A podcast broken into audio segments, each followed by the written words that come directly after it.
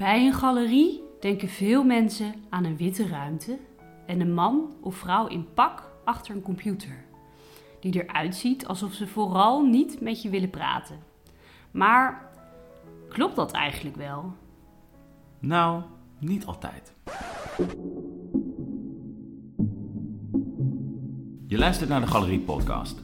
In deze podcast vertellen wij, Paul, En Mulan, twee jonge galeriehouders over de kunstwereld.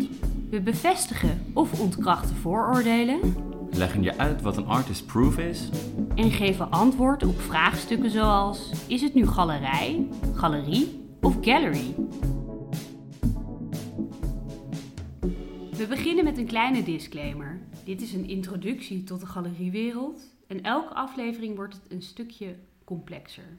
Dus als je een volleerd verzamelaar bent, dan worden er misschien in de eerste paar afleveringen dingen verteld die je al lang weet. Paul heeft onlangs een galerie geopend en het lijkt mij dus leuk om elke podcast te beginnen met een eerste keer van Paul. En als ik ook een leuke eerste keer heb, dan zal ik daar ook over vertellen. Maar voor nu ben ik vooral heel benieuwd naar hoe was de eerste opening van Paul? Ja, de, de opening, het was fantastisch.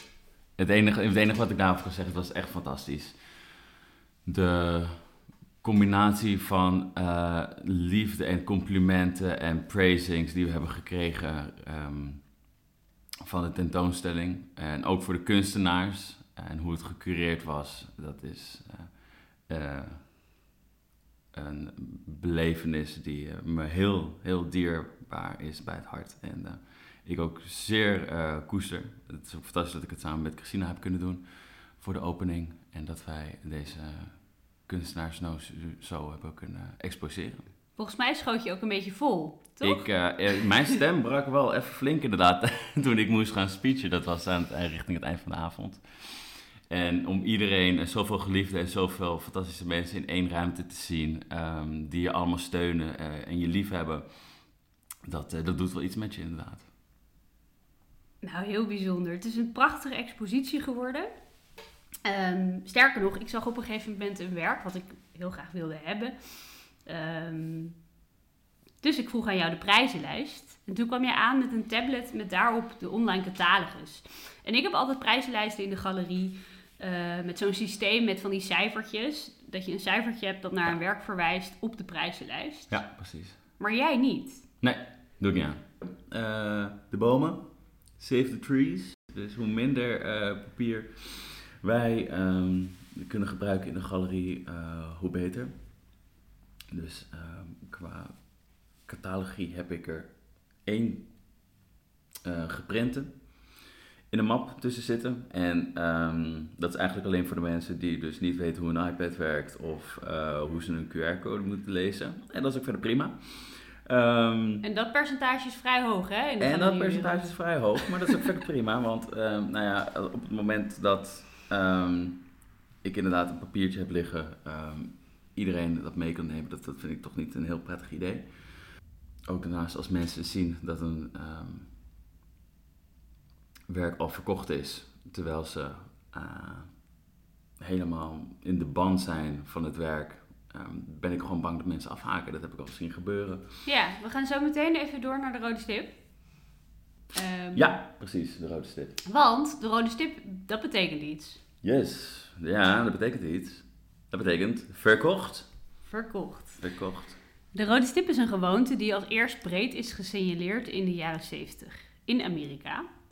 En dat betekent dat iets is verkocht. En een groene stip betekent dat iemand ergens een optie op heeft. Dus ergens over nadenkt eh, en het werk tijdelijk reserveert. Mocht er iemand in de tussentijd interesse hebben in dat werk met groene stip, dan bel je die klant op met de vraag of hij het werk wil kopen. Ehm, soms doen galeries bij gebrek aan een groene stip een halve rode stip. En sommige galeries doen helemaal geen stippen. Want die vinden dat niet netjes. En jij bent er één van. Dat klopt, dat klopt Milan. Ik, eh, geen rode stippen in mijn galerie te bevinden. Ehm, die, die bestaan niet bij mij. Die heb ik eigenlijk nergens. ehm, nee. En dat heeft eigenlijk te maken met dat ik het een afleiding vind voor, voor al het mooiste wat ik aan mijn muur heb hangen. Ik ben de hele week dan bezig geweest in voorbereiding van de show om alles, uh, alle potloodstrepen weg te gummen, de muren wit te verven en dan vervolgens als er een werk verkocht wordt, dat er een rode stip naast komt. Dat, dat uh, leidt alleen maar voor uh, reis. Dat is gewoon zonde. Ja, dat maakt jou ook wel um, ja, purist of een beetje kunstnop.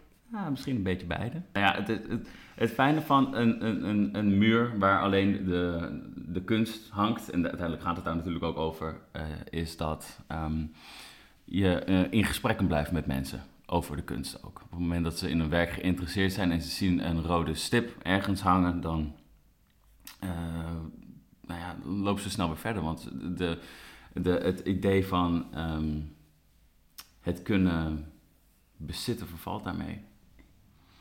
Dus nee, nee, ik heb verder geen um, rode stip in de galerie. Maar jij geloof ik wel. Jij hebt wel. Um... Ja, ik doe aan rode ja. stippen. Um, zeker binnen Nederland. Nederlanders houden van duidelijkheid en transparantie. Transparantie, zeker. Ja. en daar draagt zo'n rode stip wel aan bij. Je kan gewoon meteen zien of iets verkocht is of niet. Hm, ja. Op het moment dat ik op een buitenlandse beurs zou gaan staan, dan uh, zou ik dat nog kunnen heroverwegen. Um, en dat maakt mensen ook eager. Ja, als iets uh, is, is uh, als ze veel rode stippen zien, dan, uh, nou, dan krijgen mensen ook heet onder de voeten. En die denken dan, nou, ik moet nu snel iets kopen. Ja, oh ja oké. Okay. Ja, um, het maar het is best wel, ja, best wel Nederlands of wel Amerikaans. Ik weet dat, ja, onze Belgische vrienden het vaak best wel een beetje ordinair vinden. Ja. Um, daar hebben ze ook wel gelijk in. Nee. um, toen ik rode stippen googelde, kreeg ik een artikel uit 2016. Dat Art Rotterdam de stippen van dat jaar verving door het hoofd van Lee Towers. Dat had iets te maken met de hoofdsponsor van dat jaar. De groene stip werd het hoofd van Bart Chabot.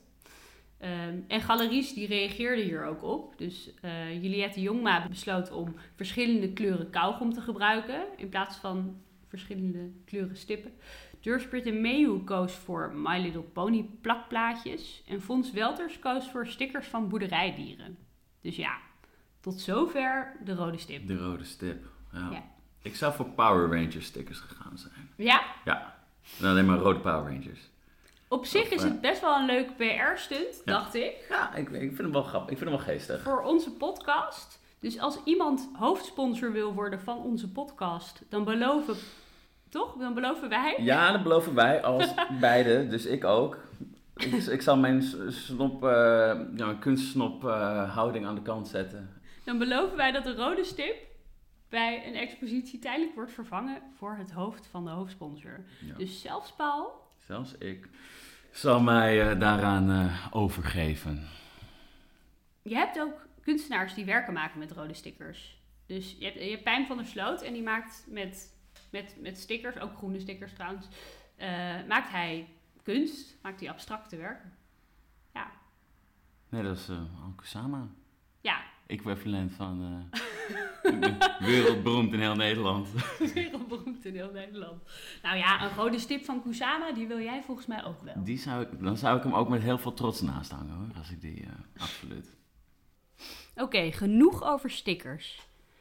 Misschien herken je het wel. Je leest een tekst in het museum of op een kunstbeurs en je denkt: wat staat hier nou eigenlijk?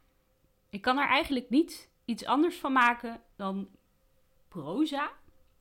En daarom deze rubriek: Kunstproza. Um, en Paul die mag het dus voorlezen. En omdat ik vind dat als je gaat afgeven op teksten van andere mensen, dan moet je ook kritisch kunnen zijn op jezelf. En om die reden heb ik de tekst gekozen die ik voor de eerste tentoonstelling die ik ooit heb gemaakt voor Gomelan Gallery, Legacy, um, heb geschreven. En van deze tekst kan je je ook wel afvragen, um, ja.